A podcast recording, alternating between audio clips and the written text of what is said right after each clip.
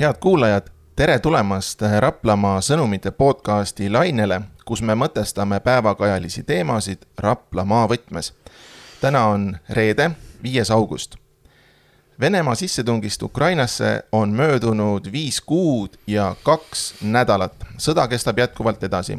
räägime täna just sellest, Ukrainas vältavast sõjast Raplamaa sõnumite toimetuses on kohal Kaitseliidu Rapla maleva juhatuse liige Villu Õun, tervist. tervist. Raplamaa sõnumite peatoimetaja Tõnis Tõnisson, tervist. tere. ja mina olen ajakirjanik äh, Siim Jõgis ja kõigepealt pöördungi küsimusega Villu sinu poole. kui aktiivselt, kui järjepidevalt oled sa sõjasündmusi, sõjauudiseid jälginud? Ma jälgin neid päris järjepidevalt igapäevaselt ja ma küll ei laveeri erinevate allikate vahel ja ei otsi mingeid alternatiivseid allikaid väga palju kõrvale, aga, aga ERR-i uudistega, mida nemad välja lasevad sõja kohta, ma olen igapäevaselt kursis, nii vaatan hommikul üle ja, ja kuulan siis õhtul ka uudiseid, kas siis raadiost äh,, Vikerraadiost või, või AK uudised kas sa mäletad veel seda aega, kui oli kahekümne kolmas veebruar, vaata siis läksid need arvamused kuidagi lahku, et kas nüüd sõjaks läheb või mitte, kas sa mäletad, mida sa siis arvasid või mis sinu sihuke kõhutunne tookord oli? ma mäletan seal paar päeva enne sõja algust äh, tööandjate volikogus üks suur äh, ettevõtja, tuntud inimene, ütles, et ei, seal läheb mingiks sõjaks ja siis ma mõtlesin, et ilmselt see inimene eksib. ja nii oligi. jah, nüüd ma tahaks küsin nüüd mõlema teie käest äh, statistika kohta. vaata, sest Ukraina pool igapäevaselt annab välja numbrid äh, siis venelaste kaotuste kohta. et kui palju neid on, kui palju neid juurde on tulnud ja mul on praegu siin eilne statistika käepärast, kus oli kirjas, et nelikümmend üks tuhat viissada langenud sõdurit Vene poolel. äkki ma küsin, Villu, enne sinu käest, kui usaldusväärseks neid andmeid pidada saab? kas sa usud, et need on tõesed? Kindlasti ei ole. ma, minu isa on sõjaajaloolane, ma rääkisin, Mati Õun, palju raamatuid välja andnud ja, ja kõvasti sõja asju uurinud ja sealhulgas siis ka kaotusi sõdade käigus. ja tema, tema ikka ütleb, et ega need, see on, sõltub metoodikast, kuidas ajaloolased hiljem nagu kaotusi hindavad ühel või teisel poolel, aga see on üks väga tänamatu töö, et, et mõlemad pooled, kui on sõjas kaks poolt, siis nad noh, nad teevad propagandat ja nad loomulikult äh, suurendavad vastase kaotusi ja vähendavad enda kaotusi ja vastupidi siis. nii et äh, need arv, arvud ei ole kindlasti usaldusväärsed, aga kui suured nad päriselt on, peale sõja lõppu ilmselt hakatakse sellega tegelema, neid arve kokku äh, Äh, arvama ja, ja aga see on tänamatu töö kindlasti ja, ja lõpuni ilmselt ka tulevikus ei saa me täpseid arve teada. Tõnis, kuidas sinu seisukoht on nende mm, statistiliste ma arvan, et, ma arvan, et äh, sõjastatistika on üks võitlusvahendeid, relv. see on läbi ajaloo, kõigis sõdades on sellega opereeritud. Äh, sellega tahetakse vastast kuidagi mõjutada ja kindlasti oma toetajaskonda suurendada. et see on oluline relv, aga tõsiselt võtta seda ilmselt ei saa. küll aga ma arvan, et tõsiseltvõetavam on see statistika, mis puudutab tsiviilelanikkonnas olevaid kaotusi, et see on ehk li ligilähedasem, aga mitte ka päris täpne kindlasti, sellepärast et elu on näidanud, et kõiki hukkunuid ei ole võimalik sõja käigus üle lugeda, need asjad selguvad hiljem. no seal statistikas on äh, see nüanss ka, et meile ju tegelikult meeldib, kui meile ei meeldi inimkaotused, aga meile meeldib see, kui äh, Vene tankel hävitatakse ikkagi tuhandetes või, või soomusmasinatega kokku, et see, see on niisugune rõõmustav number ja eks selle peale ka mängitakse saada jälle toetust eh, sinna, kus seda vaja on. ja sa mainisid tanke, siis see number, ütleme eilse seisuga, mille Ukraina pool välja käis, oli tuhat seitsesada kaheksakümmend üheksa purustatud vastaste tanki. pane sinna soomusmasinad juurde ja siis on päris suur number juba, et seda, seda rauda, seda hävitavat rauda, mida, mis võib ka meie kallale tulla, et, et see on tegelikult ju hea, kui see, kui see nii ongi ja seal on veel mõned numbrid, oli kakssada kakskümmend kolm lennukit ja sada üheksakümmend üks helikopterit. fantastiline. nojah, ma arvan, et see on, see on ilus muinasjutt. et ei tasu ennast sellest väga mõjutada lasta. Tõnis, sa mainisid tsiviilelanikkonna kaotusi, on sul käepärast ka numbrid, mis need, mis välja käidud on? teisipäevase seisuga ÜRO andmetel on hukkunud selle sõja käigus viis tuhat kolmsada kakskümmend seitse tsiviilelanikku ja haavata saanud seitse tuhat kakssada viiskümmend seitse. et see võib-olla on äh, usaldusväärsem, mis sa arvad? ma arvan ka jah, et, äh, et seal nagu üle pingutada selle arvuga ei ole otstarbekas või viisakas või moraalne. et äh, kuigi me ilmselt ka koha peal võib-olla ei teatagi kõiki hukkunuid, eks, et neid massihaudu tuleb välja, neid on kaevatud ja sinna inimesi maetud ja ja ametlikud võimud võib-olla ei teagi kõiki neid haudasid ja hukkunuid. ja, ja ega me ju ei tea näiteks, mis on Mariupolis toimunud mm -hmm.. siiamaani, eks ole, siis okupatsioonivõimude käes, kui palju inimesi on küüditatud, Venemaale viidud. noh, noh, selliseid neutraalseid äh, tegelasi, kes seda kõike hindaksid, äh, ei ole sinna siis ka ligi lastud kindlasti, et äh, ega me ei tea tõesti, jah. aga üks number veel, mis on läbi käidu, läbi käinud, on hukkunud kindralite arv, mäletate, sõja esimestel kuudel, sellest oli palju juttu ja siis oli ka justkui, et nagu üle kümne on neid, on see number. ja ma lugesin kuskilt, et tegelikult isegi kui juba lahingus, ütleme sõjategevuses hukkub kaks kindralit, et see on suur kaotus. aga kas see üle kümne, kas see on kuidagi sihuke usutav või usaldusväärne, võib see nii olla? mina isegi kipun siin uskuma jah, sest et eh, kindral on juba selline tegelane, kelle, kelle elus olemist saab vastaspool tõendada. kuigi me jah, Vene inforuumis ju ise enam ei ole väga, väga paljuski ja me ei tea, mida nad seal räägivad või on tõendanud mõne kindrali elusolekut, kui on väidetud, et ta on hukkunud. aga kindraleid on seal kindlasti palju, sest Venemaal on kindraleid palju ja kui seal on tähtis sõda, siis enamus neist on seal. ja see, oleme ju kuulnud ja lugenud sellest, et on Vene poole sõjaväes probleeme moraaliga ja noh, kindlasti siis kindrali isiklik panus moraali tõstmisele on asjakohane ja, ja kui nad seal eesrindel juba on, siis kindlasti nad ka otsa saavad, nii nagu tavalised sõdurid noh, väidetavalt on äh, ukrainlastel üsna hea ülevaade nendest äh, Vene armee juhtimispunktidest. et äh, aeg-ajalt on ju räägitud sellest, et, et teisel pool rinnet on üsna tugev partisani liikumine. ehk siis niisugune Vene tagalas toimiv Ukraina luure. ja sellepärast võib küll uskuda, et, et et ukrainlastel on õnnestunud tabada just nimelt neid juhtimiskeskusi, juhtimispunkte, staape ja, ja sellega seoses vähendatud ka kindralite hulka see on jah, üks aspekt kindlasti ja me oleme kuulnud nüüd, alguses väga palju ei olnud seda, et mida siis vastase tagalas Ukraina võitlejad korda saadavad. nüüd on seda infot nagu rohkem tilkuma hakanud, kindlasti nii nagu äh, jutuks oli, et, et sealt see seal ka jahitakse kindraleid kindlasti, kindlasti ukrainlastel on endal sellised spetsnaasüksused, kes on seal tagalas toimetavad, igasugused muud partisanid, kellel on ülesanded ja kes otsivad ise neid sihtmärke, et kuidas siis vastast mõjutada. aga no sõja alguspäevadel või seal esimestel kuudel oli ka juttu sellest, et et ka Ukraina liitlased siis, eelkõige ameeriklased jagavad neile informatsiooni, mis on kasulik nende kindralite äh, hävitamisel või siis tapmisel. kui palju see ikkagi Vene poole võitlusvõimet vähendab, kui need äh, kõrgemad juhid maha võetakse, see vist mõjutab päris suurelt, ega neid ei ole kohe lõputult asendada?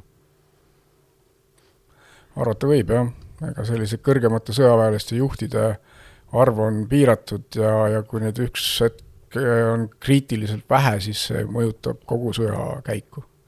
ja mina olen jälginud äh, Vikipeedia lehekülge, kus on nimekiri mm. äh, hukkunud äh, Vene kindralitest ja siis seal on välja toodud, et need äh, siis ütleme, Ukraina poole väited, siis on need, keda Venemaa pool on kinnitanud ja siis on veel lisaks need, kes on, kelle väidetav surm on ümber lükatud. Ja, ja täna hommikuse seisuga, kui ma sealt vaatasin, siis äh, Venemaa ise on kinnitanud nelja kindrali hukkumist. Ukraina äh, pool väidab, et nad on veel tapnud seitse, seitse või kaheksa kindralit ja siis on seal kolm äh, meest, kelle siis väidetav surm on ümber lükatud.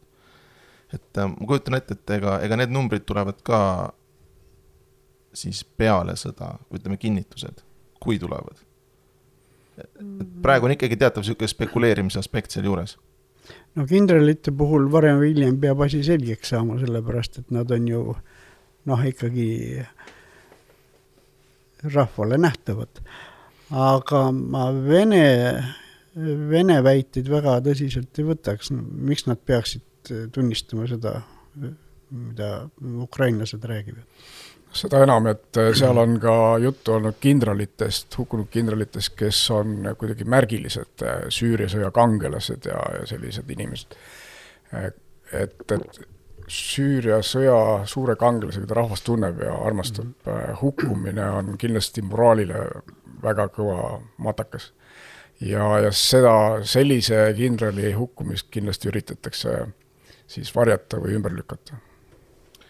Nüüd üks asi, mida ma veel tahtsin teie käest küsida, et on see, et äh, kas võimsa Vene armee müüt on purunenud sest et äh, veel enne kahekümne neljandat veebruari tegelikult äh, oli ju sihuke jutt või hirm, et Venemaa tuleb ja võtab Kiievi ära kolme päevaga.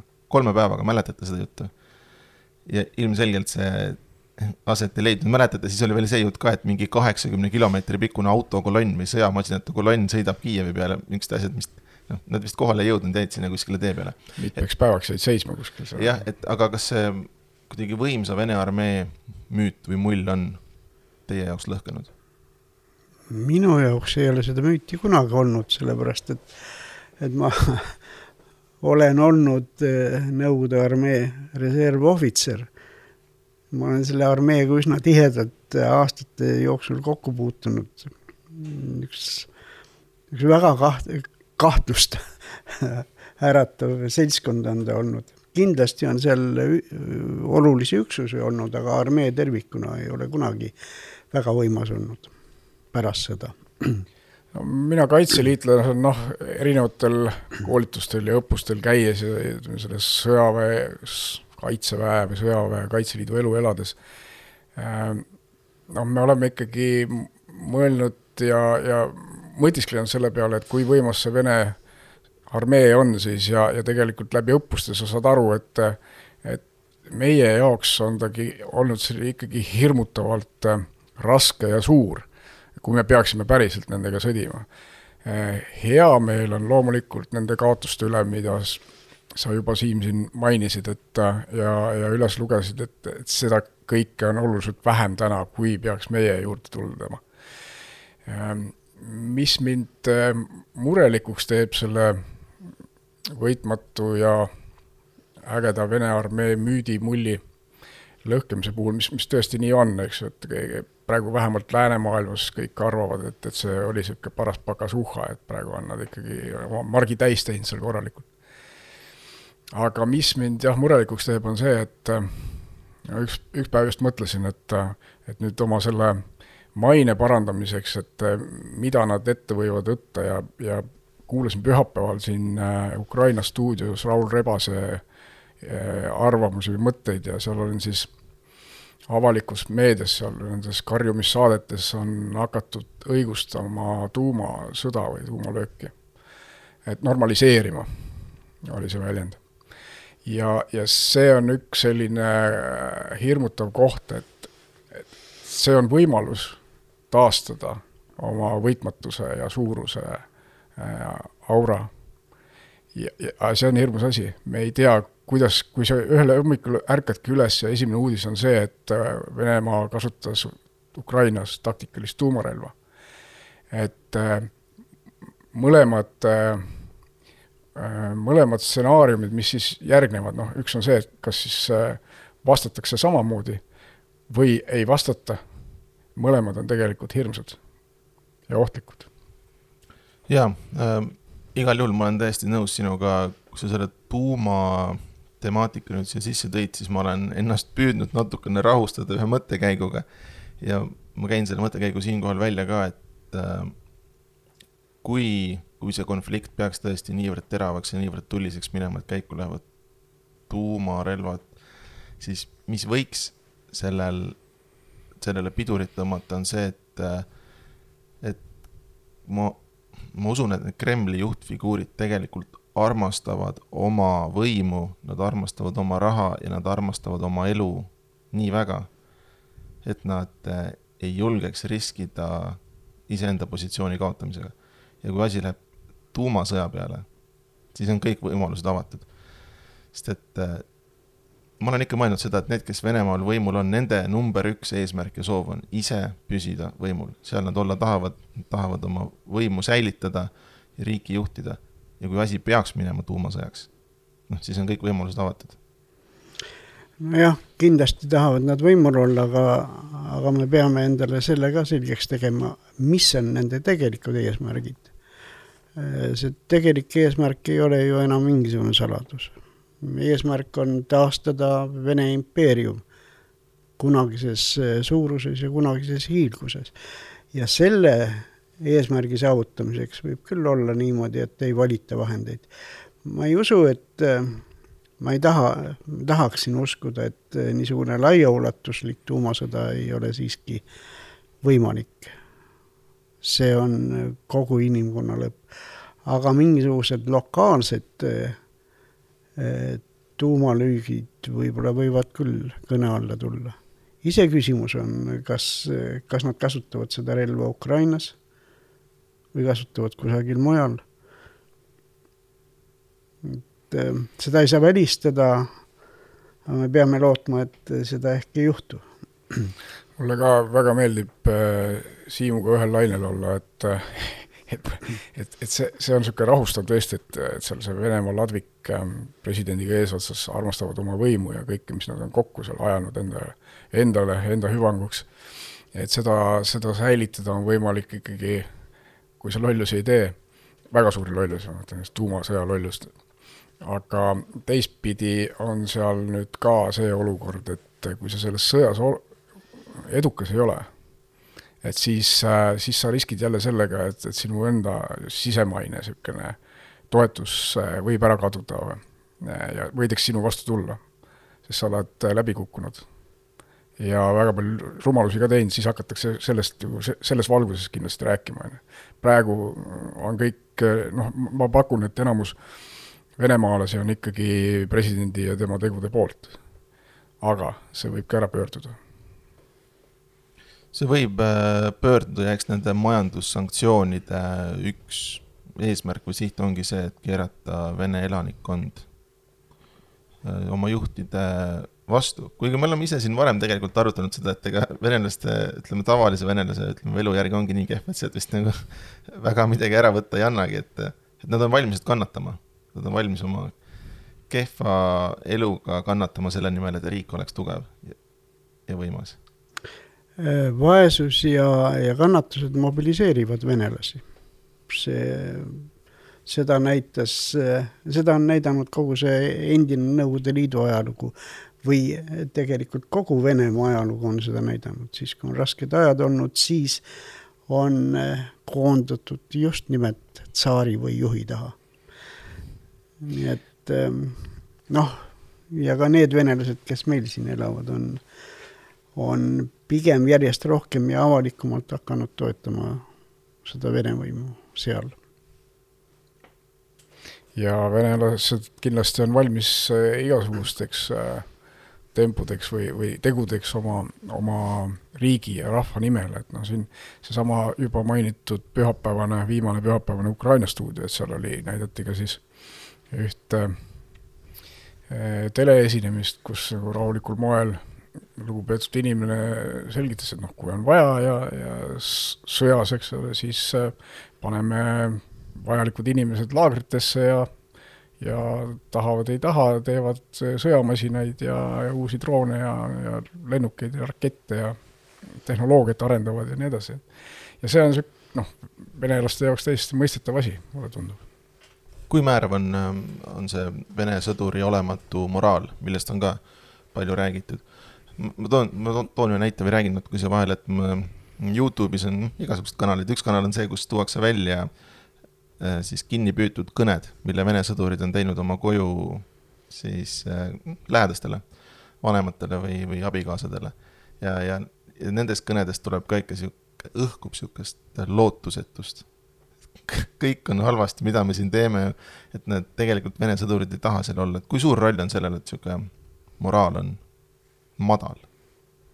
no ma arvan, et see, et see nii ongi jah, et ühel pool on ta väga madal ja teisel pool on ta väga kõrge ja, ja see on ainult ukrainlastele kasuks. et ja see venelaste madal moraal kindlasti noh, mitte mingil moel neid ei aita, et nad seal võib-olla kohati juba sõdivad elu eest, et nad on sattunud sellesse karusselli. Neid on viidud sinna surema kahurilihaks.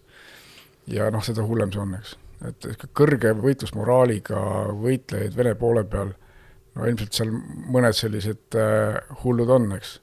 et see on täiesti normaalne ka, aga, aga enamus kindlasti ei taha seda sõda, seda enam, et, et noh, ikkagi oma vennasrahva vastu sõditakse, eks ju, tont teab, mis ajenditel, et siis praegu me oleme kuulnud, et tuuakse ja noh, seal on ka sügav mõte, eks, et, et ei tooda kuskilt Moskvast, Leningradist, Leningradist Peterburist inimesi mm. -hmm ei värvata, eks ju, sinna sõdima, vaid tuuakse kuskilt Venemaa kolgastest, on ju, Kirgiise ja kes seal need rahvad kõik on. Mm.. et burjaadid ja, ja ne-, nende jaoks on, on motivatsioon loodud seal näiteks raha näol, eks. Yeah.. et nende elu on kindlasti vaene seal, kus nad elavad ja, ja nüüd on võimalus kuidagi vähem paremale järjele saada, kui natuke kannatada. aga see ei aita sõjamoraalile kindlasti kaasa, sest et sõjamoraalis võitlustahte korraliku võitlustahte loob ikkagi see, kui sa sõdid mingi tähtsama asja pärast kui raha, eks. et kui sa sõdid juba ellujäämise pärast, on see, on see juba parem, eks. aga kui sa sõdid oma rahva ja vabaduse eest, et no siis paremat niisugust moraalihoidjat ju ei ole see madal võitlusmoraal on see, mille pärast ma ütlen, et ma ei ole pidanud eh, paikapidavaks seda suurt müüti võitmatust Vene armeest. see moraal on seal olnud äh, äh, pidevalt üsna madal. küll aga võib kõik muutuda siis, kui lahingutegevus peaks kanduma äkki Vene poolele no,. siis, siis võib juhtuda, et äh, mobiliseeritakse rahvast. ja no. teine, teine pool, mis minu meelest on ka ikkagi üsna tähelepanuväärne ja, ja murettegev on see, et, et neid ähm, Moskva ja, ja Peterburi ja, ja Venemaa inimesi ei ole mobiliseeritud, neid oota-, hoitakse siinpool. kui lahingud peaksid kanduma Baltimaadesse, siis võib-olla võetakse sealtpoolt sõdureid. et me, me ei saa seda poolt ka kuidagi alahinnata aga Pihkvast on ju, on ju seal Ukrainas käinud sõdureid. mis, mis seal Pihkvas on, mingi dessantvägi? dessantdiviis on seal jah, ega see dessantväelased on kuuldavasti juba sõja algusest äh, Ukrainas mm. -hmm. ja väidetavalt siis ka päris sõja alguses kandnud märkimisväärseid kaotusi. ju see nii on. aga kas dessantväelased ei ole Venemaal ka mitte palgalised? peaks, ilmselt ikka on jah aga, aga noh, see ei välista nende saatmist sinna Ukraina sõjatandrile ja mm. ja see on noh, ka üks asi, mis, mis meid natukene võib-olla siis noh, kas nüüd rõõmustab, aga, aga teeb meie olukorra kergemaks, et, et see oluline väeüksus, mida meile nagu otseseks ohuks on kogu aeg seatud ja kui me sõjamänge harjutame, siis me alati arvestame ka selle dessantiviisiga seal piiri taga vahetult. et kui see on rivist väljas ja tema taastamine võtab aasta-kaks, et siis, siis see on ikkagi oluline meie jaoks, rahustavas mõttes. ja see mõttekäik on vist Ukraina stuudiost ka läbi käinud, et äh, kui arvestada neid kaotusi, mida Pihkva dessant viis on kandnud, et siis nii ohutu pole Eesti seis pikka aega olnud, et meil siin, no mis meil üle jääb, loota, et äh, lahingud ei kandu Baltikumi või? on see realistlik? Seda tuleb loota, aga, aga tegelikult peaks ikkagi valmistuma selleks, et võib juhtuda, et kandub, selleks peame valmis olema, mitte nii nagu enne Ukraina sõda.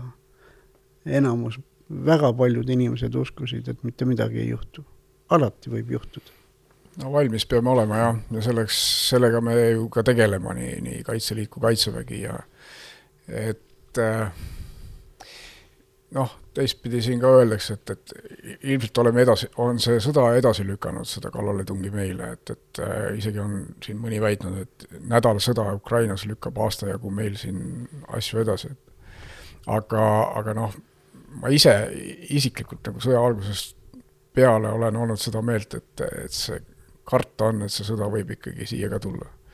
lihtsalt küsimus on ajas, et äh, praegu kohe ilmselt mitte, siin ühtegi märki sellist ei ole, aga kui, kui seal sõjategevus lõpeb ja noh, hammas on verel ja on veel mingi põhjus nagu NATO proovile panna, siis noh, kus seda NATO-st ikka proovile pannakse, ikka siin. tegelikult äh, mulle tundub äh, väga ohtlik olevat see, kui peaks juhtuma, et Ukrainas sõlmitakse praegu mm, Euroopa suurriikide survel mingisugune vaherahu. see tähendaks selle konflikti külmutamast seal, eh, annaks Venemaale võimaluse ennast koguda ja, ja võib-olla kusagil mujal alustada uut konflikti.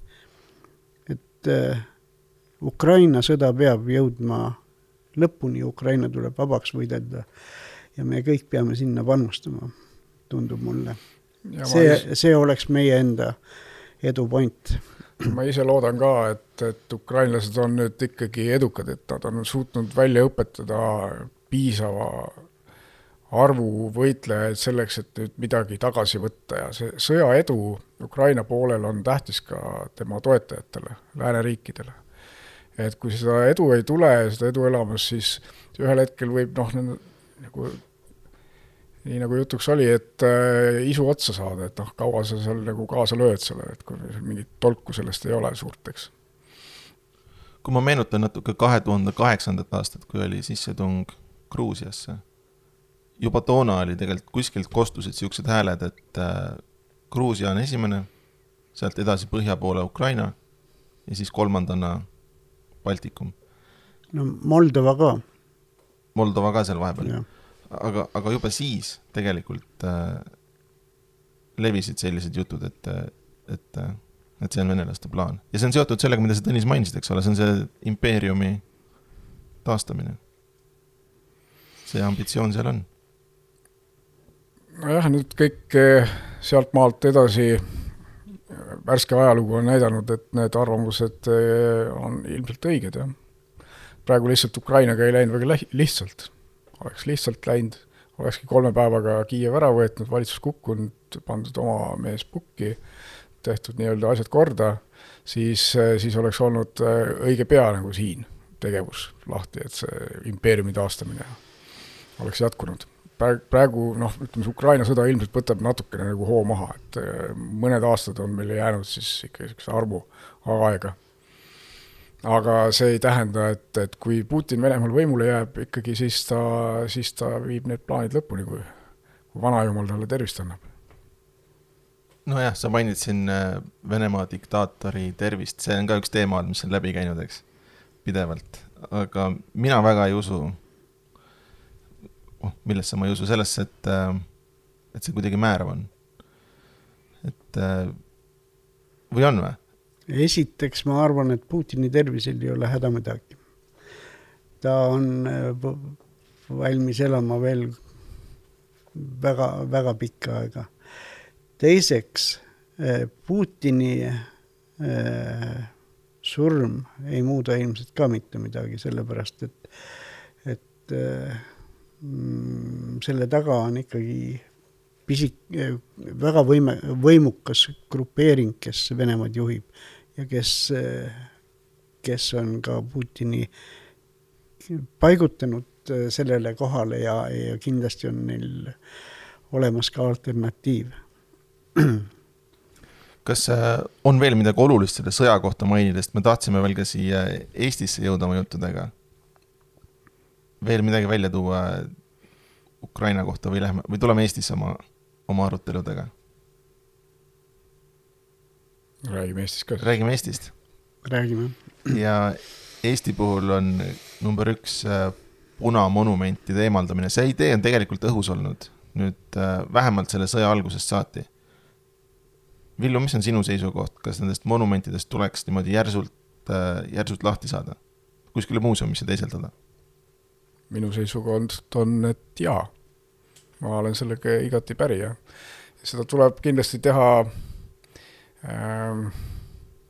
viisakalt, aga, aga kindlalt ja jõuliselt.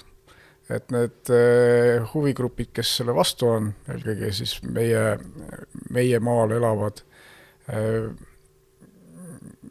kas Venemaa kodanikud või kodakondsusisikud või need, kes on siis nii-öelda ka Putini pool ja, ja kelle jaoks need punamonumendid on olnud äh, oluline identiteedi määraja, et siis äh, nendega tuleb äh, viisakalt hakkama saada.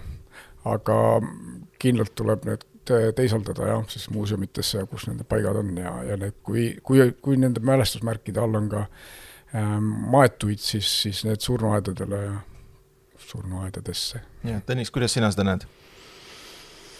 Äh, ma arvan, et äh, sellised mälestusmärgid, mis on äh, sümbolid või, või kannavad võimusümboleid Äh, nende kõrvaldamine ja mahavõtmine on iseenesest äh, mõistetav ja ma polegi aru saanud, miks seda seni tehtud ei ole. miks ei ole seda äh, Narva tanki juba ammu sealt ära viidud niimoodi rahulikult. teine küsimus on nüüd sõjahaudadega. et see ümbermatmine ei ole väga lihtne et näiteks Kuusikul, Kuusiku hauda on eh, minu teada maetud kuuskümmend neli sõjaohvrit. kusjuures väga võimalik, et nende kuuekümne nelja hulgas ei ole kõik sugugi mitte punaarmeelased. et kui, kui metsast toodi sinna metsa maetuid, siis on räägitud ühest naisest, kes kindlasti ei olnud Punaarmeega üldse mitte seotud, kes oli eh, rahvuselt hoopis leedulanna. et need kokkumatmised, mis olid viiekümnendate aastate alguses, tekitasid üksjagu segadust ja kui, kui nüüd hakata ringi matma, siis see peaks olema väga tõsiselt ette valmistatud. minu meelest ei oleks õige eh, kõik välja võtta ja, ja uuesti uuesti kuskile ühishauda panna. ka Kuusiku hau-, selle sõjahaua puhul on teada, et äh, sinna toodi kolm meest äh, siit Rapla külje alt äh,. aga hi hiljem on selgunud, et need punaarmeelased, kes sinna sellesse kohta olid maetud äh,, ilmusid välja alles üheksakümnendate alguses, kogemata tee-ehituse käigus. nii et siin on palju segadust sellega. et äh, see tuleks väga korralikult ette valmistada, kindlasti nõuab see täiendavaid vahendeid ja, ja see ei ole väga odav ja lihtne töö. selle kõrval on minu meelest palju olulisem jätkata oma sõjahaudade otsimist, me ei tea siiamaani kõiki Eh, viimase sõja ajal hukkunute matmiskohti. me ei tea päris täpselt seda, kui palju neid oli. alles me otsisime siin kolonel Kaarma hauda, me ei leidnud seda. teiseks on palju tähist-, eh, matmiskohti, mis on tähistatud, aga mille lugu on lahti rääkimata ja sellepärast on need matmiskohad eh, meelest ära läinud või, või olulised paigad et vot selle poolega oleks vaja väga tõsiselt tegeleda, sellepärast et kui me täpselt ei mäleta enda minevikku, siis on meil väga raske ka eh, mobiliseerida oma inimesi selle riigikaitsele. mineviku tundmine on väga tähtis. no ma olen Tõnisega jah nõus, et, et esmajoones ja, ja oleks pidanud ammu tegema kõik need ideoloogilised sümbolid a la punatank seal Narva jõe kaldal tuleb ära viia õigesse kohta kus on tanki koht. aga, aga need äh, sõjahaudade ümbermatmine jah, see on kindlasti väga töömahukas ja nõuab palju ettevalmistusi.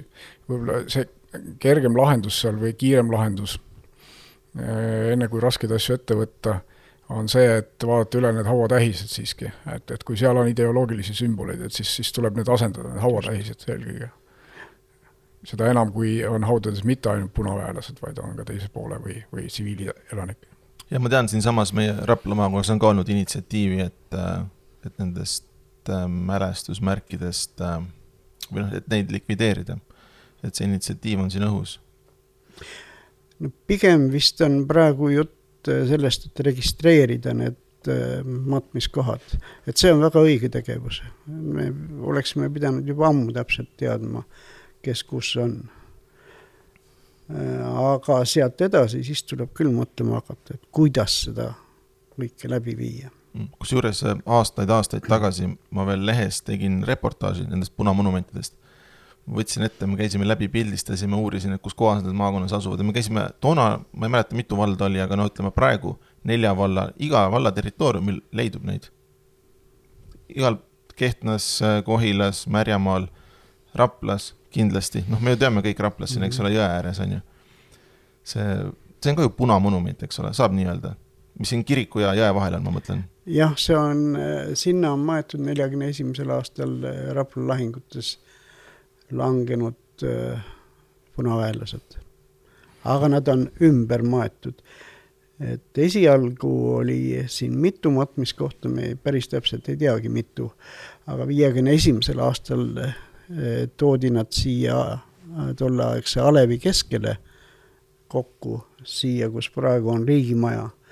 ja kuuekümne kaheksandal aastal eh, viidi nad siis salaja öösel sinna kirikuaeda.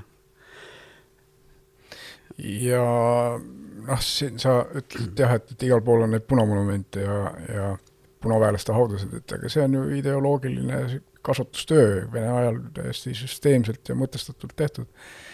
kasutati neid äh, paikasid siis äh, inimeste kasvatamiseks õiges suunas, et ja, ja ma olen siin ka Tõnisega nõus, et, et meie oleme seda enda rahva, eestlaste, eestimaalaste kasvatamiseks vähe veel teinud, et, et need, neid sümboleid tuleb juurde luua, need tuleb taastada ja, ja neid tuleb ka kasutada et meie lapsed teaksid, kes on meie kangelased ja mis vabadus maksab ja need kõik need meie väärtused, mis meile tähtsad.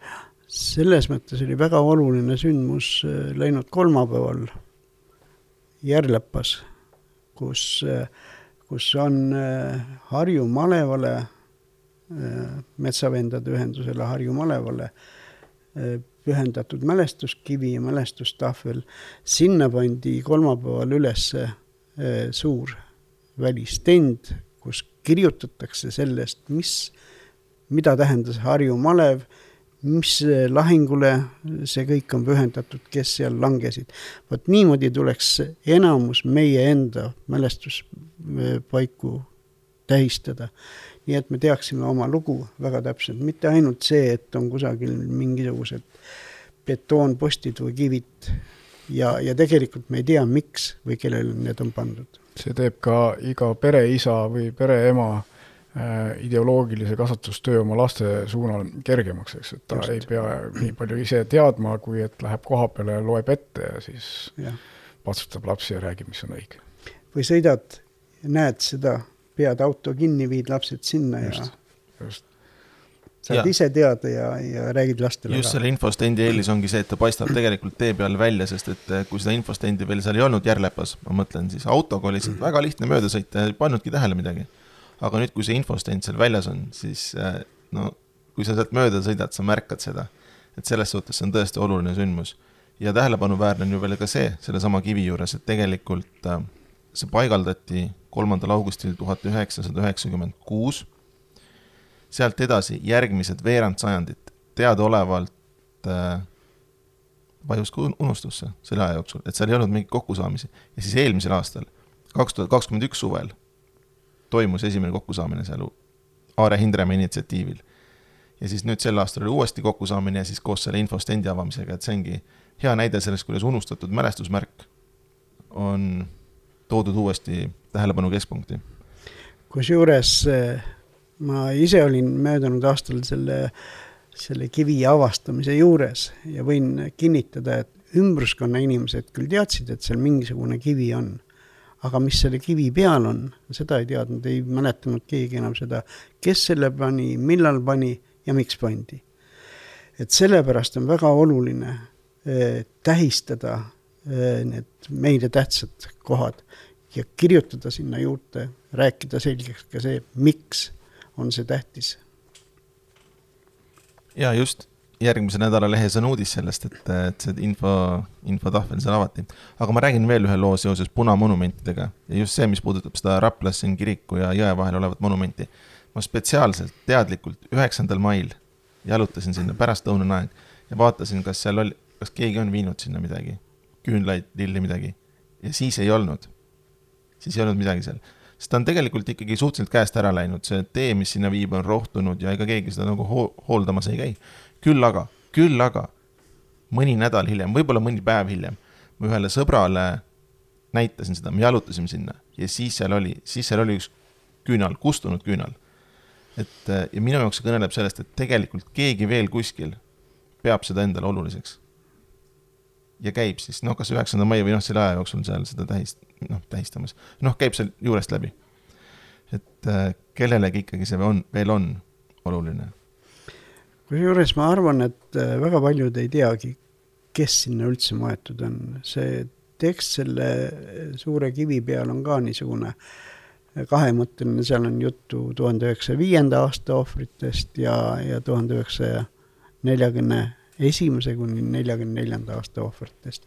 neljakümne neljandal aastal ei langenud siin kedagi, et need on kõik, kes sinna on maetud, seotud neljakümne esimese aasta Rapla lahingutega. See inimene, keda sa kahtlustad, et peab meeles seda paika veel, et võib-olla ta oli natuke ära hirmutatud, seepärast et enne üheksandat maid ju aeti kõik kihevile, et kõik on politsei on väljas, ühtegi meeleavaldust ei lubata, kõik aetakse viisakalt minema, tohib ainult mälestamas käia, aga võib-olla see viimane läks nüüd äh, kuidagi mööda ja siis inimene oligi murelik, käiski kümnendal hoopis. jah, väga võimalik, nii, aga nüüd me oleme ületanud neljakümne kahe minuti piiri, alustasime juttu Ukraina sõjast ja jõudsime välja äh, monumentideni äh, Eestis. ma küsin veel lõpetuseks üle selle Narva tanki kohta, mis vähemalt äh, siis, kas siis praeguse seisuga või nii, vähemalt on seal veel alles. Kas see tank tuleks sealt siis teisaldada? kohe tuleb ära viia, jah. see, see on ju ilmselgelt agressiooni sümbol, sõna otseses mõttes see on relv, mis tuli üle jõe selleks, et võtta Eesti ära. siin ei ole üldse kahtlust. on kurb, et ta veel seal seisab. nii, head kuulajad, suur tänu, et olite täna meiega. suur tänu, et äh, kaasa mõtlesite. Raplamaa sõnumite toimetuses olid tänast saadet salvestamas Villu Õun, Tõnis Tõnisson ja Siim Jõgis Raplamaa sõnumite podcasti saab ikka ja jätkuvalt kuulata veebilehel sõnumid.ee ja Spotify's. Kuulmiseni järgmisel nädalal